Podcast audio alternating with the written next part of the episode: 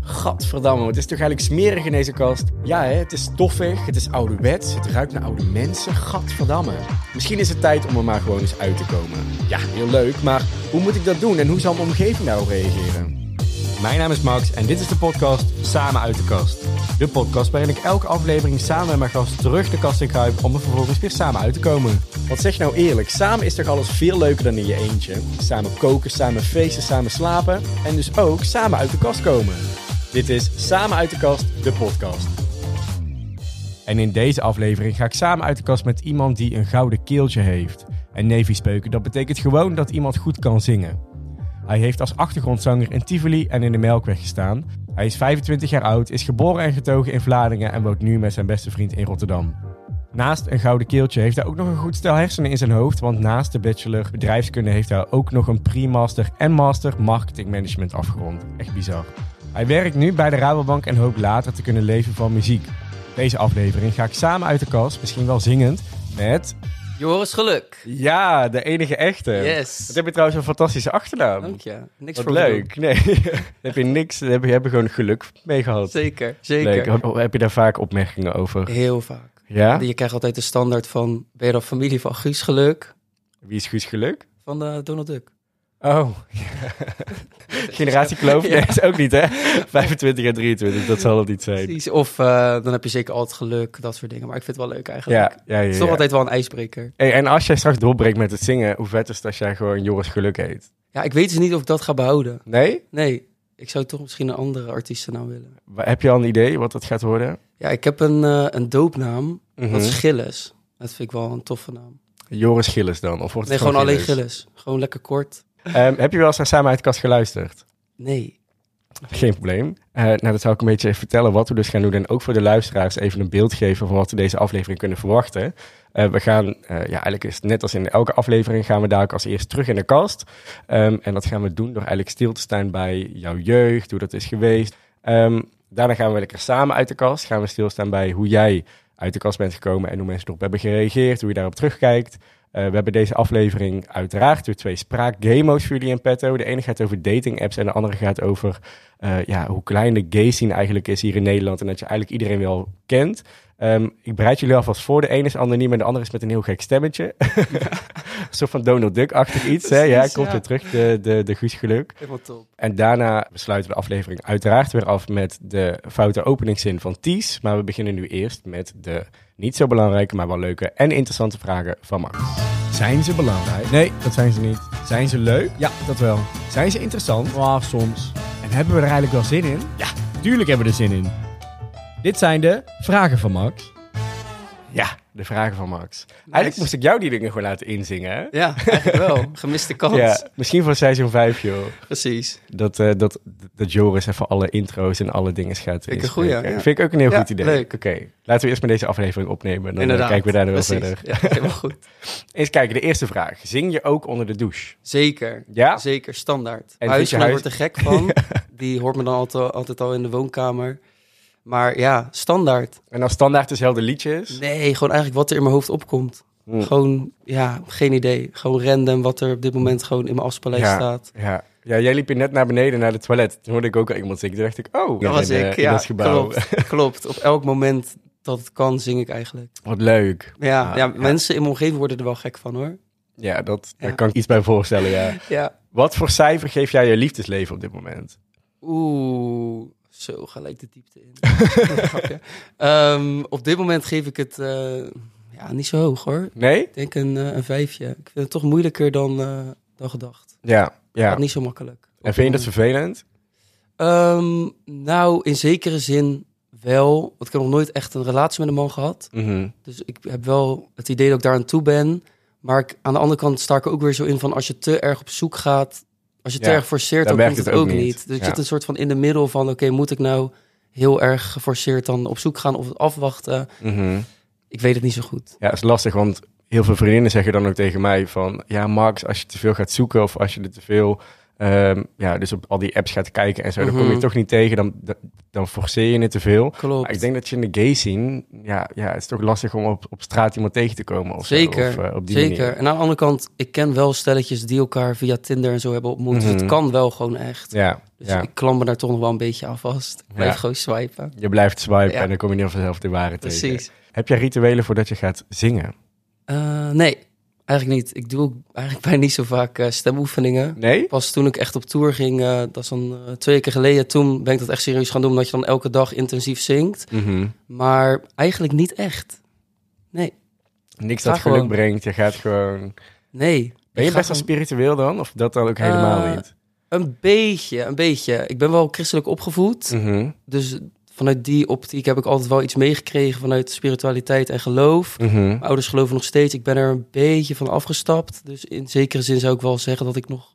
Ik zou mezelf agnostisch omschrijven. Ja. Dus ik geloof wel dat er iets is, maar ik weet niet precies wat. Nee, nee. Ik vind het lastig om dat echt te koppelen aan een religie of iets dergelijks. Mhm. Maar eh, ja, om me heen heb ik zoveel verhalen gehoord dat ik denk, ja, er moet er hierna toch wel iets zijn. Ja, ja. Eigenlijk een beetje alles samen, zeg maar. Ja, ja, ja. Ja, misschien een soort van energie of iets dergelijks. Ik weet niet. Nou, Ik vind het sowieso wel lastig om te omschrijven, maar ik denk wel dat er iets is. mooi. Bij welke artiest zou je nog heel graag als achtergrondzanger willen zingen? Oeh, dat is denk ik John Mayer. Ik dacht oprecht, Ja? dat is heel grappig.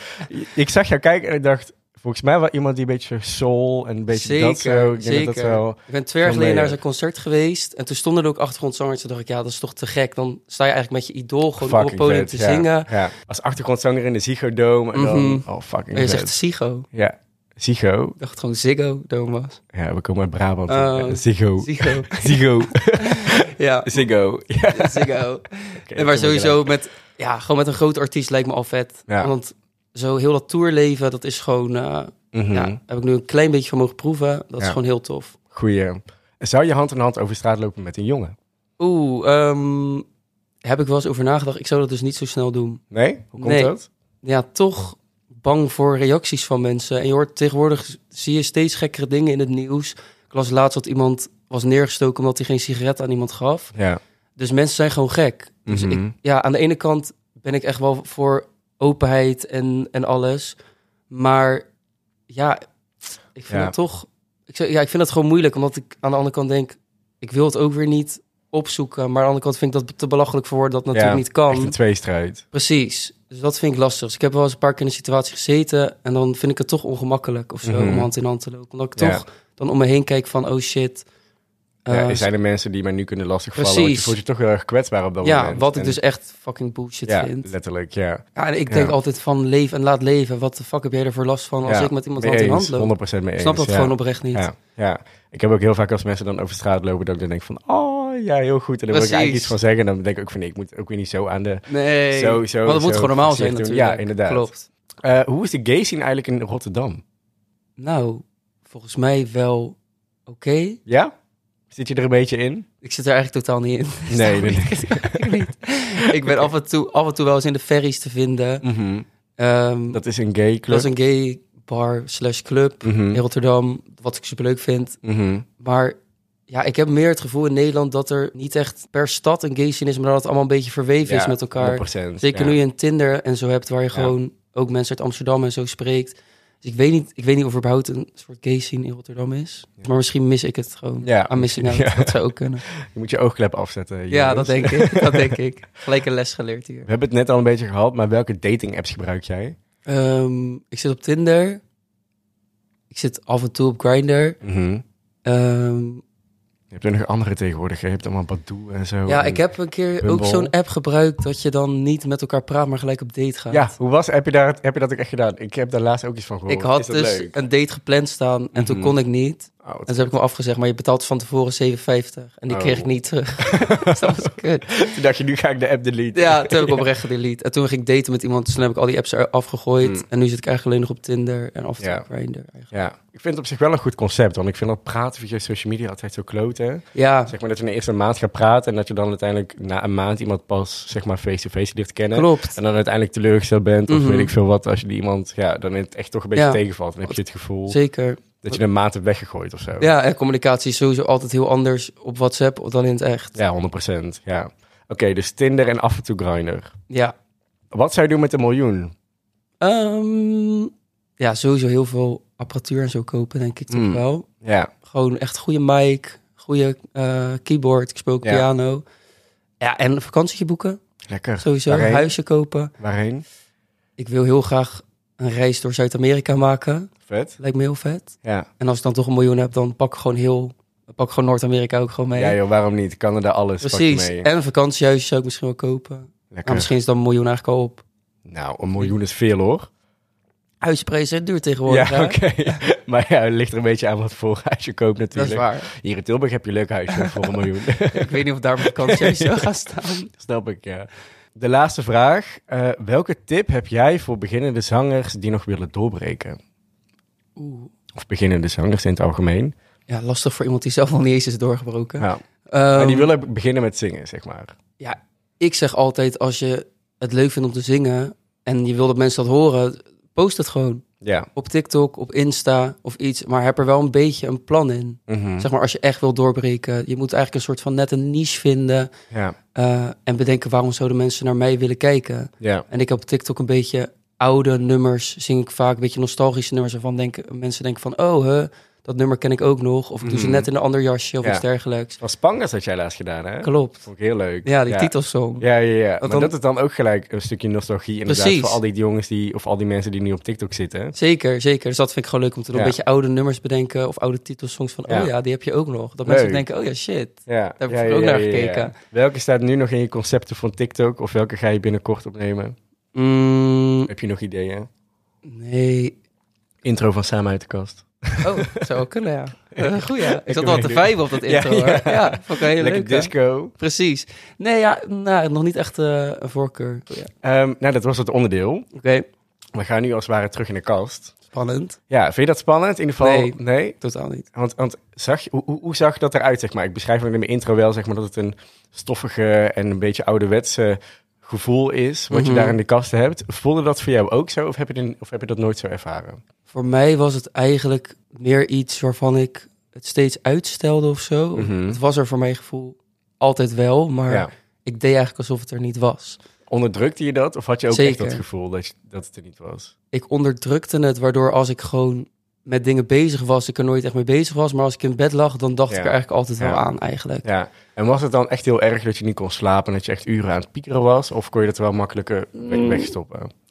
Ja, een beetje van beide. Ik dacht er altijd wel aan en ik dacht wel vaak van... oké, er gaat een moment komen dat ik het misschien moet zeggen. Mhm. Maar er was ook altijd wel een twijfel van... oké, maar is het dan echt zo? Ja, Maak er niet zo'n soort van een verhaaltje van in mijn hoofd. Want ik kijk toch ook gewoon naar vrouwen. ja, En ehm, dus het was wel een soort van interne strijd ja, eigenlijk. ja, ja, dat herken ik heel erg. Want hoe zag jouw jeugd er eigenlijk uit? Eh, nou, eigenlijk wel gewoon een goed milieu. Eh, In Vlaardingen? in Vlaardingen, het ook zo'n mooie Vlaardingen. Gezellig. Eh, ja, ik heb nooit echt last gehad van dat ik gepest ben of iets dergelijks. Of weet ik veel. Ik, Viel jij op, zeg maar, op school? weet ik niet eigenlijk. Ik Nee? denk, ik had wel gewoon genoeg vrienden, maar ja, ik weet het niet zo goed. Omdat, ja, het is Nee. best wel lang geleden Ja, eigenlijk, ik middelbare. Maar ik fietste overal eigenlijk wel gewoon makkelijk doorheen. Maar middelbare gewoon in één keer gedaan, daarna HBO. Wel fijn dat je dat wel gewoon positief hebt ervaren. Dat echt Ja. totaal geen... ehm, Nee, en af en toe kwam er dan wel eens een opmerking dat iemand zei, ben je gay of zo? En dan zat ik zo van, "Huh, nee, waar heb je het over? Ja. Wat de fuck zeg je? En dat, dat, dat deed me dan wel altijd iets, omdat ik dacht Mhm. van, huh, zij zien iets wat ik zelf niet per se zie. ja. Want waar denk je dat die opmerking vandaan kwam? Ik weet niet, misschien trekjes of zo. Ja. Ja. En ik heb misschien ook wel dat toch, doordat ik niet wilde dat mensen het zagen, mezelf daardoor anders gaan gedragen of zo. Mhm. Maar dat vind ik moeilijk om nu achteraf te zeggen. Maar Ja. ik denk zeker wel dat dat invloed heeft gehad op hoe ik nu misschien ook ben geworden. Ja. Of Ja. hoe ik me nu, nou misschien nu niet meer echt, maar hoe ik me een tijd lang gewoon heb gedragen. Ja. Ja, ik wilde eigenlijk niet dat mensen dat van mij dachten. Nee, ja. Omdat ik het zelf niet, omdat ik dacht van dat klopt niet. Want, want hoe oud was je toen? Eh, ik denk Middelbare school? middelbare school wel. Ja, ja, ja. ja. Tweede klas, derde klas. Dat je 12 echt gewoon gaat puberen. 16, Ja, ja. precies. Ja, ja, ja.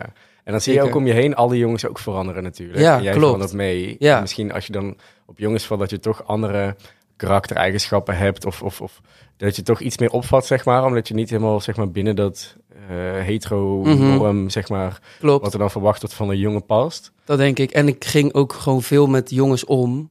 Dus dan, je meet je altijd een soort van af aan je vrienden. Dus ik, ik deed gewoon een beetje wat zij deden. Ja, ja en, deed je dat, en deed je dat dan expres, dat je juist veel met jongens omging? Of was het ook oprecht iets waar je dan gewoon... Nee, dat ging eigenlijk wel gewoon natuurlijk. Ik Ja. had ook wel vrouwen als vrienden, maar ja, ik trok toch altijd gewoon meer op met jongens. Mhm. En gewoon voetballen naar school en, en zo. Ja, ja, ja. Dus in die zin, dan snap ik ook wel dat je het zo benoemt, zeg maar, dat je best wel positief terugkijkt naar, een, naar je schoolperiode. Mhm. Omdat je, ja, je ging er toch best wel lekker mee met die flow, zeg maar, Ja, een beetje op school. Fijn om te horen. Zeker, maar er lag toch altijd wel iets aan de oppervlakte. Ja, tuurlijk. maar. Ja, in je achterhoofd, zeg maar. Ja. Dat je toch wel wist van... Want weet je nog... kan- Misschien, misschien is dat ook wel heel te lang geleden om dat nu nog, zeg maar, terug te halen. Maar weet je, kan je nog herinneren dat, dat je voor het eerst dacht van... Oh ja, ja ik, vol- volgens mij ben ik homo. Nou, ik weet dus nog, eigenlijk mijn allereerste herinnering daarnaar is dus, dat is echt fucking lang geleden. Ik denk dat ik, eh, nou, misschien echt tien of negen was of zo. Mhm. En we waren in de Mediamarkt in Rotterdam. Oh ja? En eh, ja, Ik ben heel benieuwd wat er nu ja, spannend. En er was een soort van eh, eh, afdeling met video's. Je had er ook van die seksvideo's staan. En ik liep daar langs, vond het wel interessant. Mhm. En toen waren er gewoon allemaal hetero films. En er was één film met twee zoenende mannen. En mijn aandacht bleef toch gevestigd op die film. Oh, grappig. En die herinnering heb ik nog steeds. En toen dacht ik er niet eens iets over na. Want ik was volgens mij tien of zo. Mhm. Je weet niet eens wat het dan inhoudt, zeg Nee, precies. voor jou. Ja. Terwijl toen al eigenlijk mijn aandacht daarnaar werd getrokken. Oh, grappig. Dus onbewust speelde dat al veel langer. Ja, ja, en dat was dan... Want ja, je koppelde dan geen naam aan, zeg maar. Nee, Wat- toen nog wat die niet. gevoelens dan waren. Weet je nog Nee. wanneer je dat voor het eerst wel deed? Ehm, ja, ik denk dat het echt pas was toen ik veel ouder was. Omdat ik het dus wel echt een soort van wegstopte. Mhm. Dus ik wil daar nooit echt een naam aan geven. Nee, nee.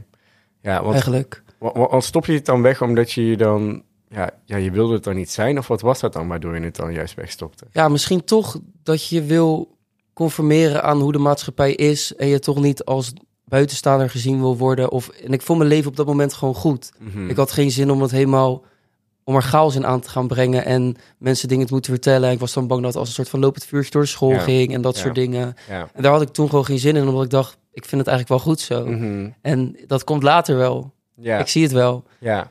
En dan zat het dus wel in je hoofd. Eh, heb je daar thuis ook wel eens iets van gehoord? Eh, nou, thuis werd eigenlijk altijd wel gezegd van, je mag zijn wie je wilt. Mhm. Maar dat is wel later gekomen. Mijn ouders waren eerst vroeger best wel streng christelijk, dus gereformeerd. Ja, Eh, dus we mochten op zondag bijvoorbeeld ook geen tv kijken. oké. Dat mocht niet. Ehm, toen zijn mijn ouders op een gegeven moment gebroken met die kerk. Zijn naar een andere soort van hervormde kerk gegaan... waar ook gewoon homo's kwamen en dergelijke. Mhm. Ehm, en mijn ouders hebben ook wel eens gezegd... als je zeg maar op je veertiende dit had gezegd... hadden we het moeilijker kunnen accepteren dan toen Ja. je het nu zei. Ja, Maar ik heb, het is nooit vanuit eh, die overtuiging... dat zij mij niet zouden accepteren geweest... dat ik het niet kon vertellen. Het was gewoon mijn proces waar ik nog niet aan toe was... ja. om het überhaupt voor mezelf te accepteren. Mhm. Want werd er, omdat je dan natuurlijk christelijk bent opgevoed, Mhm. wel eens gepraat over dat onderwerp? Ja, zeker. Heel veel. Ja. Nou, heel veel. Zou ik het overdreven. Elke dag tijdens het eten. Elke dag. We gaan niet, Wees jezelf. bij de toetjes gaan we het altijd hebben over de gays. Nee, nee, eh, dat niet. Maar eh, wel gewoon over zijn wie je wil zijn. En ehm, mijn ouders vinden, hebben het wel moeilijk gevonden dat ik het pas zo laat durfde te vertellen. Omdat zij het idee hebben van, Mhm. zijn we dan niet open genoeg geweest? Of Ja. ligt het aan ons dat, dat, dat jij niet jezelf durft te zijn? Ja, En nu is bij hun ook wel de acceptatie, omdat ik ook tegen hun heb gezegd, ja, ik was er toen gewoon niet aan toe. ja. Ik weet dat ik het tegen jullie kon zeggen, maar ik, ik kon het zelf gewoon niet. Nee, ja, precies. Die, die, ja, je moest het voor jezelf accepteren. Als Ja, zeker. Ehm, nou, je vertelt dan eigenlijk al zeg maar, dat je best wel op latere leeftijd dan tegen je ouders uit de kast bent gekomen. Mhm. Hoe, was, hoe, hoe was die weg er naartoe? Ja, lastig. Ja? Lastig. Want hoe ouder ik werd, hoe meer ik doorkreeg van oké, eh, het is realiteit. Mhm. Dus ik kon het eerst nog best wel lang wegstoppen. Eh, ik heb met vrouwen ook gewoon dingen gedaan. Dus dan dacht ik altijd, oh ja, maar dit, dit is er, maar dat hoeft nu nog, nog niet naar boven te komen of zo. Ja. Eh, het werd ik ouder en ouder. En toen dacht ik van, ja, misschien wordt het nu al tijd. En eigenlijk wat voor mij echt me over het randje heeft getild... is een verhaal van een vriendin van mij. Die vertelde dat eh, haar opa vertelde op zijn sterfbed aan haar vader... dus aan zijn zoon. Mhm. Snap je het? Ja. Oké. Dat hij eigenlijk een soort van dubbelleven had geleid al die tijd. Oh. Eh, op zijn sterfbed vertelde hij dat. dat eh, en dat hij altijd gewoon met mannen ging. En dat dus haar oma daarvan wist. Maar ze een soort van schijnhuwelijk hadden. Hm. En dat was voor mij een soort van trigger. Dat ik dacht, oké, zo wil ik echt niet eindigen. Want ik weet eigenlijk al gewoon voor mezelf dat ik op mannen val. Ja. Eh, dat stukje acceptatie is er al. Het is alleen nu het kutten van, ik moet het gaan vertellen. En dat was voor mij echt de druppel. Dat ik dacht, oké, ik wil het nu eigenlijk gewoon zo snel mogelijk vertellen. Ja. Alleen was toen de stap hoe. Want ik was 23 of 22, 23. Mhm. En ik wist niet of mensen het nog zagen aankomen. Ja, Dus ik- precies, Ik wist ja. niet eens hoe ik het moest, dan moest inleiden. Omdat het natuurlijk Ja. heel ongemakkelijk is om op... Ik woonde toen ook nog thuis. Dat je op je 23 ineens een avond naar beneden stapt en tegen ouders zegt... Yo, ja.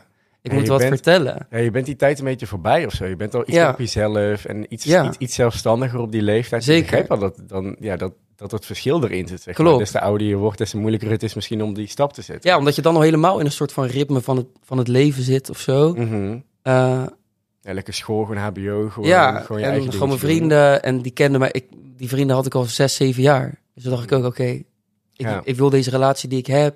Ik was bang dat, ik dat, dat die relatie zou gaan veranderen. Mhm. Mijn ouders niet per se, want ik wist dat ze het zouden accepteren. Maar het was meer van, oké, maar hoe? Ja. Wanneer ga ik het dan vertellen? Ja.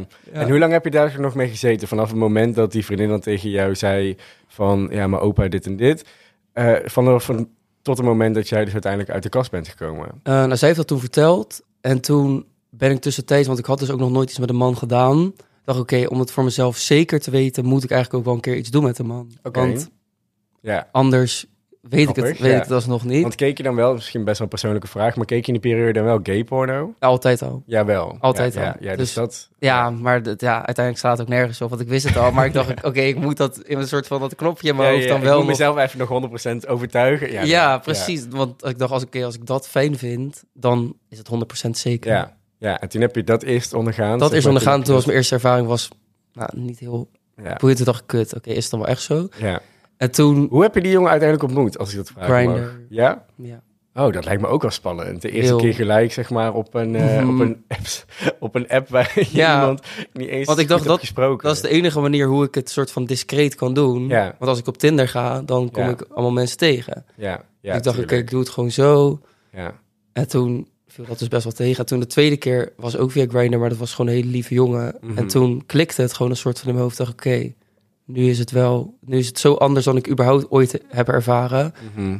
eh, dat ik toen ook best, oké, nu mag iedereen het ook weten of Ja. zo. ja. Nu, ja, dat was eigenlijk het, het teken voor jezelf, dat je dus Ja. 100% zeker wist van, oké, ja, dit is gewoon wie ik ben. Ja, eigenlijk wel. Dus je kon toen eigenlijk ook niet meer terug. Nee, Wat je al die Klopt. jaren wel hebt gedaan, zeg maar. klopt. En toen was het nog steeds wel in mijn hoofd van, oké, als ik het dadelijk dat, dan dus tegen mensen heb gezegd, dan is het dus echt zo. Mhm. Omdat altijd, zolang je het niet uitgesproken hebt, is het nog, hoeft het geen waarheid te zijn. Ja, En dat was dus nog steeds wel die stap dat ik dacht, oké, eh, ja, als ik het dadelijk uitspreek, dan is het dan is het zo. En ja. ik zat er natuurlijk uiteindelijk best wel gewoon tien jaar mee of zo. ja. Dus die stap was gewoon heel moeilijk. En Ja. daar kon ik dus niet echt iets in vinden, ja, hoe ik dat moest zeggen. Ja, ja. En hoe is dat uiteindelijk gelopen? Eh, uiteindelijk is dat best wel grappig verlopen. Eh, ik had gewoon eerst een feestje van vrienden. en ik het zat wel in mijn hoofd, oké, ik wil het gewoon een keer tegen mijn ouders zeggen. Hoe oud was je? 23. 22, 23, Oké, ik weet niet meer ja, precies. ja. Ehm, nou, het feestje was heel leuk. Daarna was ik, ging ik naar huis, was iets van 12 uur. En ik kwam thuis en mijn ouders zaten nog op de bank. Mhm. Een serie te kijken en ik was best wel dronken, Ja. en eh, ja, wij zijn best wel gewoon een spelletjesfamilie. Dus we hebben allemaal spelletjes thuis liggen. Ik zei tegen mijn ouders, nou, zullen we gewoon een leuk spelletje doen? Mhm. Ze zeiden, ja, is goed. Ze hadden ook al wel door dat ik dronken was. Ja. Dus ze dachten, nou, we doen lekker mee. En wij hadden zo'n kaartspel liggen met, eh, het heet Open Kaart. Mhm. Met gewoon vragen erop. Eh, dat kan van alles zijn, van wat is je lievelingseten tot iets Ja, anders. Nou, ja. we begonnen dat te spelen. Op een gegeven moment, ik daar een kaartje en er stond op... Is er iets in deze kamer wat niemand van je weet? Dus ik zei van, ja, er is wel iets, maar ik, ik ga het zelf niet zeggen. Jullie moeten het raden. Ja, Want ik durf het gewoon nog steeds niet te Ja. zeggen. dat ken ik. Dat hoor ik vaker dat mensen dat zeggen. Maar dan maakt het eigenlijk zo lastig voor Dat maakt het jezelf. echt lastig. Ja. Klopt. En hadden ze het goed gegokt? Of hoe, Nou, dus het wat ging... gokten ze allemaal? Ja, dat weet ik dus eigenlijk niet. Oh, Oké. Ze, ja, geen idee. Ze gingen gewoon, eh, weet ik veel, je hebt een relatie of zo. Ja. Zoiets. Nou, allemaal nee, Beetje nee. En toen zei... Ja, precies, ik zei nee. En toen zei mijn vader op een gegeven moment van, val je op mannen?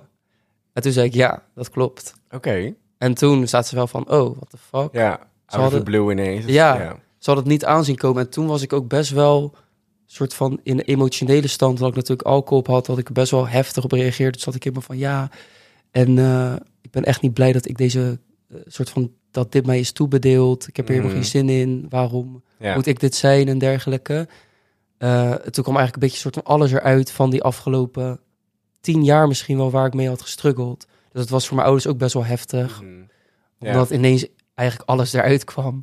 En zij zaten gewoon lekker een avondje Ja, te kijken. En ineens kwam er een kaartspel tevoorschijn en stelde hij de vraag Ja. waar die weer een antwoord ook niet op wist op je, of je terwijl dat was. dus niet van tevoren had bedacht. Zeg maar, of dat kaartspel. Het was echt gewoon toeval dat die kaart naar boven kwam. En ik had ook niet van tevoren bedacht, ik ga nu uit de kast komen of zo. Nee. Dus dat is dan toch misschien wel een soort van het lot of zo. Misschien wel. Ja, dat is dan toch misschien dat wel dat... Me dat extra waar je zegt. Je dan hebt in van, zeg het nou. Ja, ja, ja. Dat, dat die kaart dan expres bovenop ligt of wat dan ook. Precies. Maar wat jij zegt over dat je dan ineens alles eruit gooit. Mhm. Dus dat alles waar je dan die jaren tegenaan hebt gelopen of wat dan ook, dat je dat ineens eruit vloept. Ja. Dat herken ik wel erg. Toen ik voor het eerst uit de kast kwam voor een vriendin.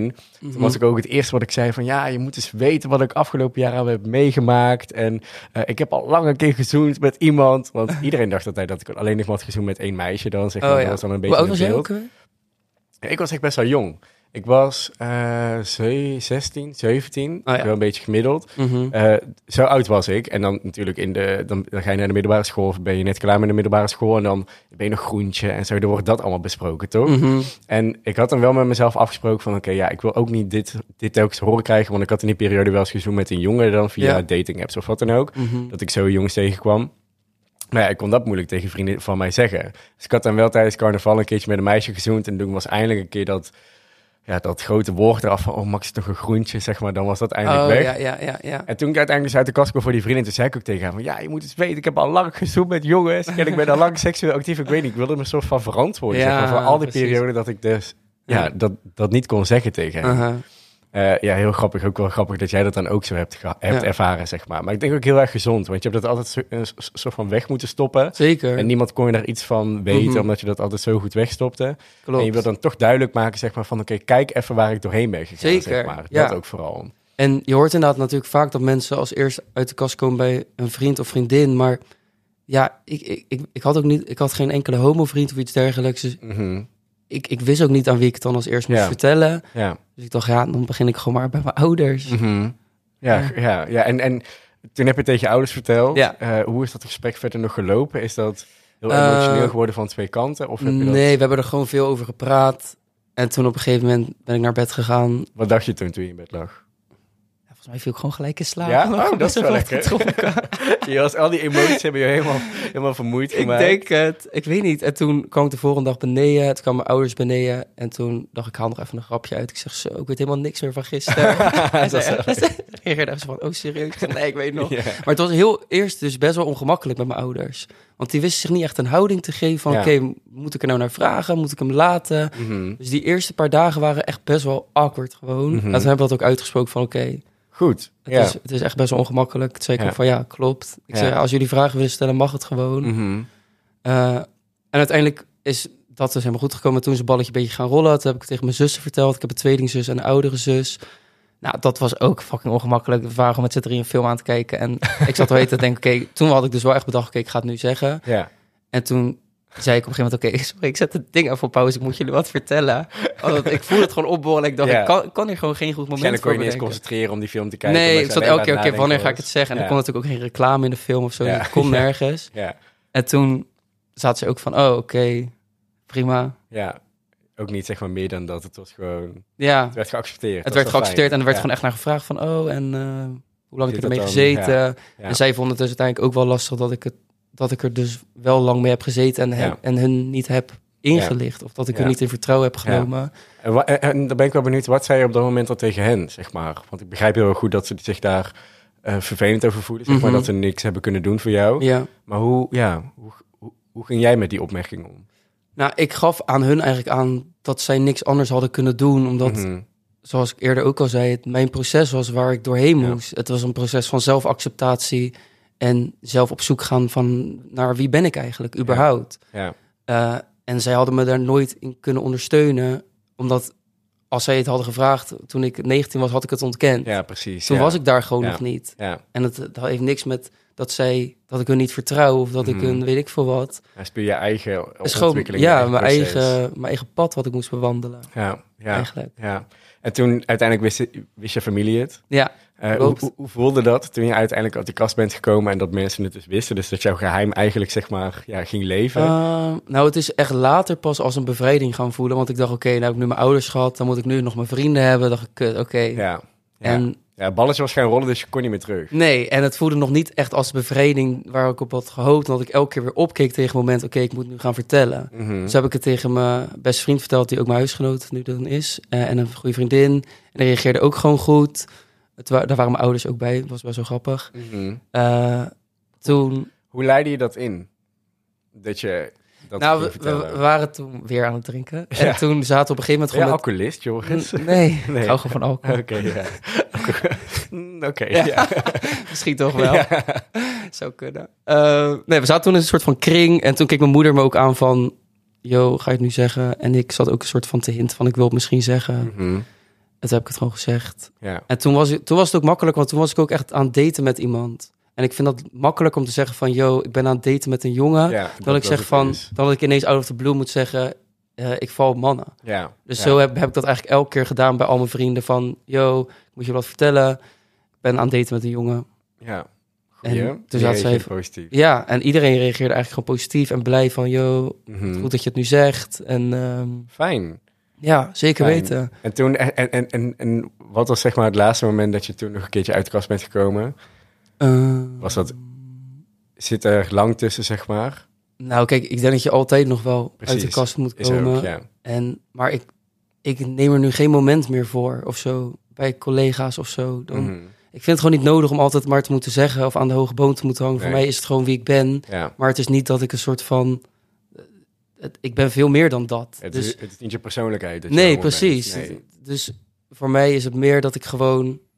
Als het ter sprake komt, zeg ik het. Maar ik ga niet zeggen van... Hoi, ik ben Joris, ik val mannen of Nee, zo. natuurlijk niet. Nee. Nee, en ik was altijd bang dat...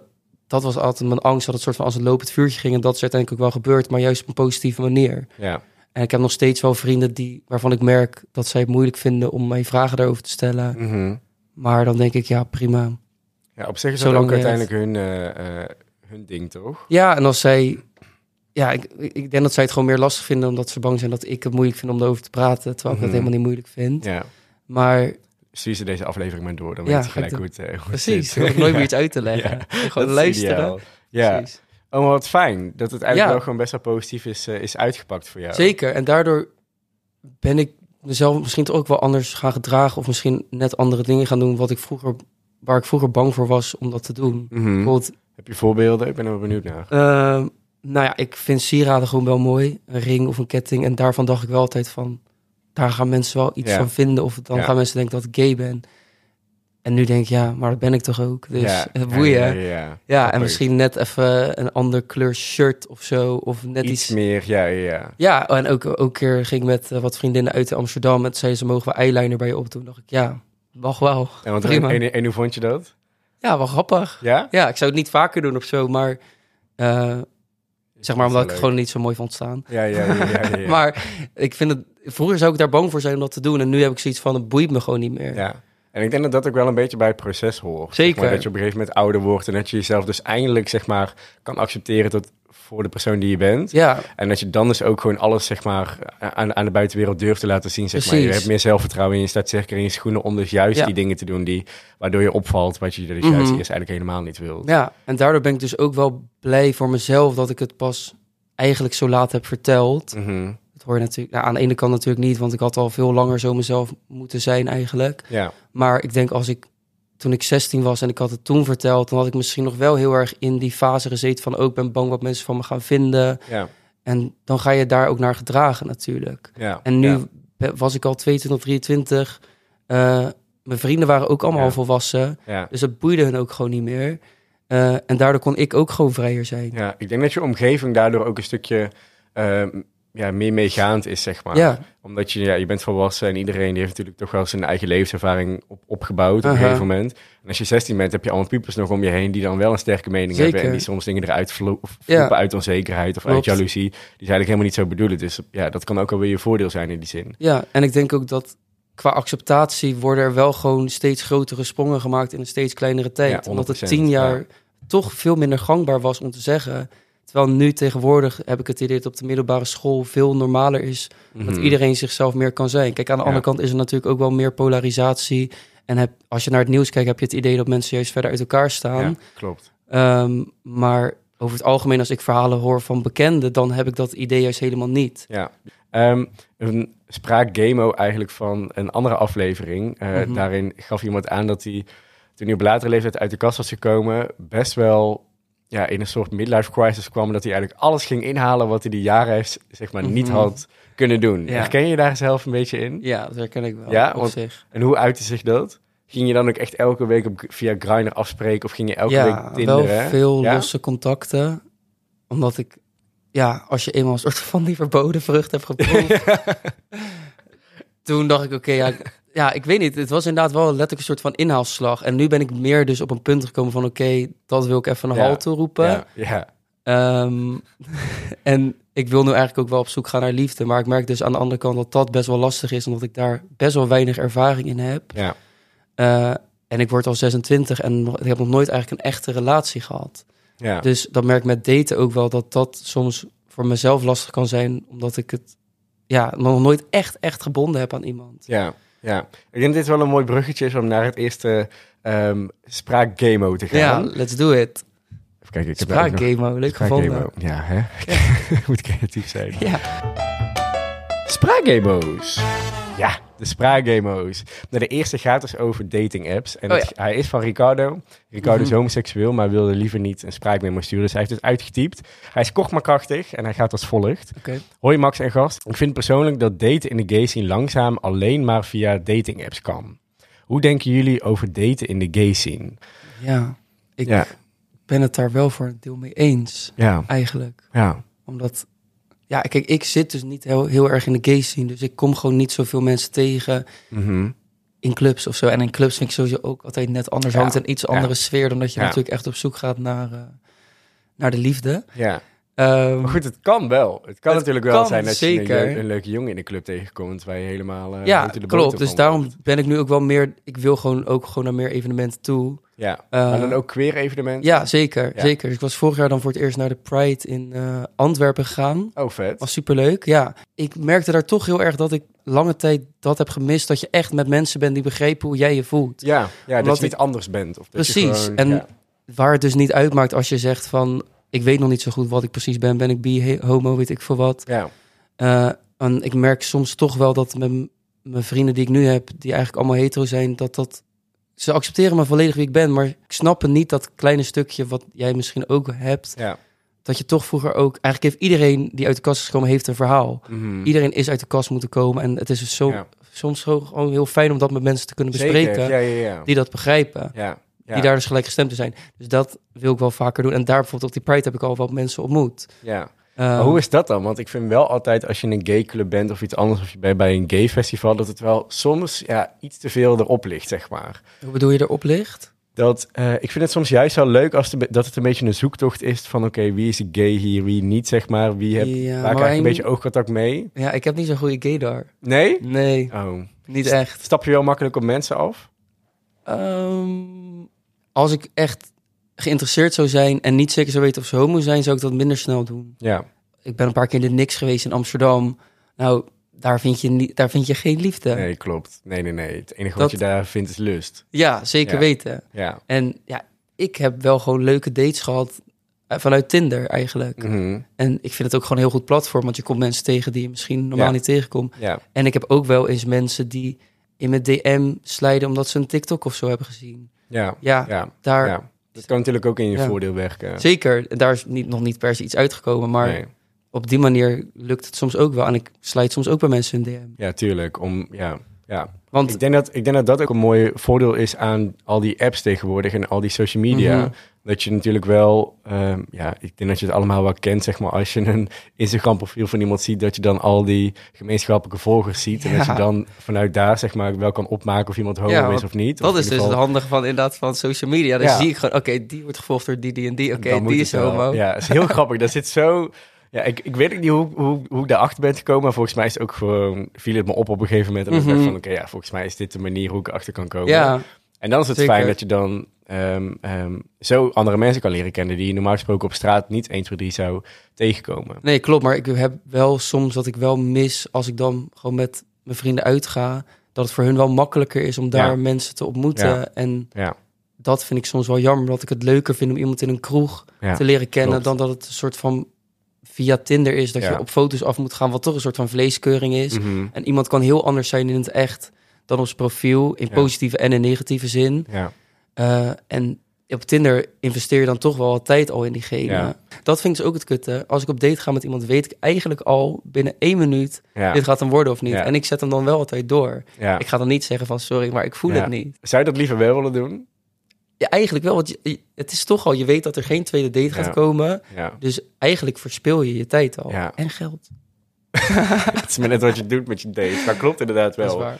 Ehm, Ja. Oké, Ricardo, dankjewel voor deze inzending. En ehm, ja, ik denk dat wij heel erg kun- konden herkennen in, eh, in jouw vraag. Mhm. Ik hoop dat we een beetje een duidelijk beeld hebben gegeven van hoe wij dat aanpakken en hoe wij, eh, en, en hoe wij daarnaar kijken. We hebben nu een nieuwe spraak, Gamo. En die persoon die hem heeft ingestuurd wilde graag anoniem blijven. En dat is ook te horen. Dus we gaan hem eerst eventjes aanzetten. Dan gaan we hem even verduidelijken. Dus hier komt hij. Hey Max, hey gast. Ik had even zo'n vraagje. Ehm, ik heb best wel vaak, als ik met een jongen date, of als ik een jongen interessant vind, of als ik een jongen leuk begin te vinden, of als er gewoon iets is aan die jongen waarvan ik denk, oké, ik zou best wel met jou verder willen gaan, dan op de een of andere manier heeft altijd een vriend van mij ook met hem gezeten, of heeft een vriend van mij dat met hem gedaan, of heeft een, ja, gewoon een kennis of iemand die ik ken al wat met deze persoon gedaan. Er is altijd wel een verhaal over de jongen waarvan ik denk, oh, ik vind jou leuk en interessant en ik wil meer. Waarvan ik, waarvan ik dan weer denk, nou ja, jij hebt hem al gehad, dus ik wil het niet meer. Maar ben ik daar de enigste in? Of hebben jullie daar ook last van? Want wat zou bijvoorbeeld een manier zijn om ervoor te zorgen dat dit niet altijd gebeurt? Behalve natuurlijk naar een ander land verhuizen, maar dat is gewoon geen optie. Hoe zou ik dit kunnen omzeilen? Ik weet het gewoon oprecht niet. En het lijkt me gewoon een keer fijn om iemand te krijgen die nog niemand verder kent. Help boy out. Nou, zullen we jou eens helpen? Ja, Kon je het verstaan, Joris? ik kon het wel verstaan. Ja, ja, ja, de mensen die het dus niet hebben kunnen verstaan. Het gaat erom dat hij heel vaak eh, iemand tegenkomt, een leuke jongen tegenkomt, eh, waar hij mee date of die hij aantrekkelijk vindt, die dan meestal al wel een vriend van hem heeft, eh, heeft gedate of ooit iets mee heeft gedaan op seksueel gebied. Eh, en dat vindt hij vervelend. Nou, daar kan ik heel goed iets bij vinden. Mhm. Eh, heb jij daar ervaring mee? Heel herkenbaar. Ja? Heel, ja. En op wat heb- voor manier dan? nou ja, ik heb ook gewoon best wel vaak dan eh, bijvoorbeeld een Tinder match en dat gaat dan gewoon, is gewoon leuk. Dan we delen Instagram uit. Mhm. En dan ga ik naar zijn gemeenschappelijke vrienden. en dan ja. zie ik daar alleen maar eigenlijk Ja. altijd dezelfde homo's staan. En dan denk ik van, oké, maar hebben zij dan al iets gedaan? En hoe zit dat dan? Dus dat vind ik altijd ook wel, dat ik denk... Uiteindelijk, je denkt de scene is best wel groot, maar het is uiteindelijk Ja, best, wel... klein. ja. klein. Ja. En kijk, uit- achteraf blijkt dan vaak dat, want dat heb ik ook, ik volg ook best wel veel homo's waar ik eigenlijk Mhm. nog nooit mee heb gesproken. Ja. Dus het geeft ook wel een beetje een vertekend beeld. Uh, maar ik heb ook wel inderdaad wel een paar keer gehad dat uh, die dan al wat met die heeft gedaan en die met die. ja. En dat vind ik ook wel jammer. Ik vind dat ook totaal niet fijn om te horen, zeg maar. Nee. Dat je dan, ja, ik, ik snap op zich wel, tuurlijk, iedereen heeft seks en iedereen heeft, eh, heeft zijn eigen ervaringen. Dat mag allemaal. Mhm. Maar ik hoef daar geen beeld bij te krijgen of ik hoef daar niet specifiek te weten met wie je wat allemaal Nee, hebt gedaan. hoef ik ook niet. En hoe sta jij daarin dan? Nou ja, ik vind het ook heel erg vervelend. Eh, ja, eh, hetzelfde als jij eigenlijk. Ehm, ik heb de afgelopen tijd wel zo'n knop omgezet van oké, ja, het is gewoon wat het is. En Zeker. ja, die gay scene die is nou eenmaal zo, zeg maar, dat iedereen elkaar kent en dat iedereen het over elkaar heeft. Maar eh, ik probeer vooral zelf, zeg maar, daar anders in te staan door dat juist niet te doen. En dus juist niet te Mhm. vertellen van, oké, ik heb met Jan en man seks gehad. En ja. eh, ik vind ook dat de gay scene wel af en toe een handje eh, weggeeft van het negatief praten over elkaar. Zeker juist- weten. Het kan echt toxic zijn. Ja, ja, en ik denk dat dat gewoon niet, niet, niet hoeft, zeg maar. Dus ik Nee. probeer juist een beetje die kant meer op te gaan zoeken door mensen daar ook wel een beetje over aan te spreken. Van, ja, Ja. waarom zou je in hemelsnaam zeggen dat je de piemel van die hebt gezien... of dat die, weet ik veel, Ja. goed was in bed of die juist weer niet. ook Of dat, bullshit. of dat die vreemd is gegaan op die andere. Ja, hou, hou je bek. Waarom? Mhm. Dat, dat hoeft, er gaat echt niemand aan. Hoezo vind jij je zo belangrijk om dat allemaal te gaan delen op Ja, vind ik ook bullshit. Maar ik heb aan de andere kant ook wel weer, en dat vind ik ook wel misschien stom van mezelf. Als ik, ik kijk dan wel welke homo's zeg maar gemeenschappelijk zijn, en dan ga ik aan de hand daarvan ga ik al een beetje zitten van, oh, dus ik denk dat hij ook een beetje zoals hun Ja? is of zo. Ja? ja. ja, misschien is Ik het meet het een- daar toch onbewust een beetje aan af, dat ik denk, oké, die wordt door Ja. deze gevolgd. Ja. Oké. Ja, ja, ja, ja, ja. Wat eigenlijk ook best wel toxic is. Ik denk dat dat erbij komt kijken omdat je iemand toch via social media ligt kennen. En Mhm. eigenlijk nog totaal geen beeld hebt van iemand. Nee, klopt. En waardoor je daardoor iets meer wordt achterhalen. En dan Klopt. maar juist zeg maar, naar de volgers gaat kijken van... Mhm. Ik denk niet dat het dat heel toxic is. Hoor, Joris. gelukkig. En gerustgesteld. Ja, je bent gerustgesteld. Jij hoort ook niet bij de toxic scene. gelukkig. Ehm, Nee, maar dat is ook wel de reden natuurlijk waarom ik er misschien toch soms wat meer verder van af wil staan. Dat ik inderdaad, wat jij zegt, ik hoef dat inderdaad ook niet te weten. Van Nee. dat hij het bed met die heeft gedeeld of Nee. dat hij, eh, weet ik veel wat. ja. dat boeit me niet. Ik, Ja. ik wil me gewoon focussen op die persoon. En Ja. als ik dan met iemand aan het daten ben en wat de rest daarmee te maken heeft, ja, dat Nee. boeit me dan niet. Het heeft totaal geen toegevoegde waarde Nee. aan heel de situatie niet. Nee. Ehm, wat er wel gelijk bij mij opkwam toen ik, eh, toen ik dit hoorde was... hoe erg is het eigenlijk? Ja. Ik denk dat het ook persoonlijk is natuurlijk. Hoor, want de- degene die hem heeft ingestuurd heeft natuurlijk wel heel erg last van. ja, ik zou nooit niet met iemand daten door zijn gemeenschappelijke Nee, vrienden. ja. Of dat Nee. hij met Dio heeft gedaan. Of zoveel Ja. bedpartners heeft gehad. Of Ja. weet ik veel wat. Daar zou ik nooit een oordeel over Nee. hebben of iets dergelijks. En hij vraagt natuurlijk, hoe kom ik ervan af? Of wat kan ik er tegen doen? Ja. En ik denk niet dat Nee, daar hè? echt een Oplossing is. oplossing... Ja, naar een ander land verhuizen. Ja, zei aan. het ook al, ja. Maar dan zou je nog steeds, misschien nog steeds wel gemeenschappelijke vrienden waarschijnlijk wel. Die gays die is zo ziek dat in Duitsland waarschijnlijk dezelfde homo's Ja, elkaar kennen. precies. Of in Antwerpen of dan ook. Ja, en misschien dan toch wat meer afstappen van een Tinder en het wat meer lokaal zoeken. Ja, Een lokale gaybar. ja, Mensen die zich sowieso wat meer afzetten tegen social media. ja. Dat is wel een goede, ja. Ja, ik voel me net een beetje Monica en Kai die nu een first world problem, gaan- first world problem, problem gaan oplossen. Ja, dat is toch goed? Even ontleden. Ja, even ontleden, even Ja. kijken, even andere, andere, andere stellingen. precies. Ja, ik denk dat dat inderdaad wel een goede tip kan zijn van... ga dan juist off the grid, zeg maar, en ga dan Ja, juist kijken en- in je eigen omgeving. Dank je voor deze goede tip op het einde. We gaan zo luisteren naar de foute openingszin van Ties, maar als eerst wil ik jou heel erg bedanken voor het deelnemen aan deze podcast. Graag gedaan. En ehm, ik hoop dat de treinrit dadelijk iets eh, soepeler verloopt, dat je wel door de tunnel kan. eh, volgens mij was alles gefixt. Oké, goed die zo. tunnel. Goed zo, goed om te horen. Ja. En Ja. luisteraars, ook heel erg bedankt voor het luisteren. Mochten jullie dit nou een leuke aflevering vinden, kan je vooral eventjes een... In ieder geval zou ik het heel erg kunnen waarderen als je een review zou willen achterlaten op Spotify of op Apple Podcast. Deel hem lekker met mensen die hier denk je iets aan hebben. En dan zeg ik tot volgende week. En weer een foute openingszin van Ties, hier gaan we. Weet je toevallig wat de verleden tijd is van Pepermuntje? Eh, nee, Ties. Ik ook niet, maar je mag altijd bij mij komen proeven. Hij is eigenlijk wel echt heel slecht. Oké, dankjewel. Doei.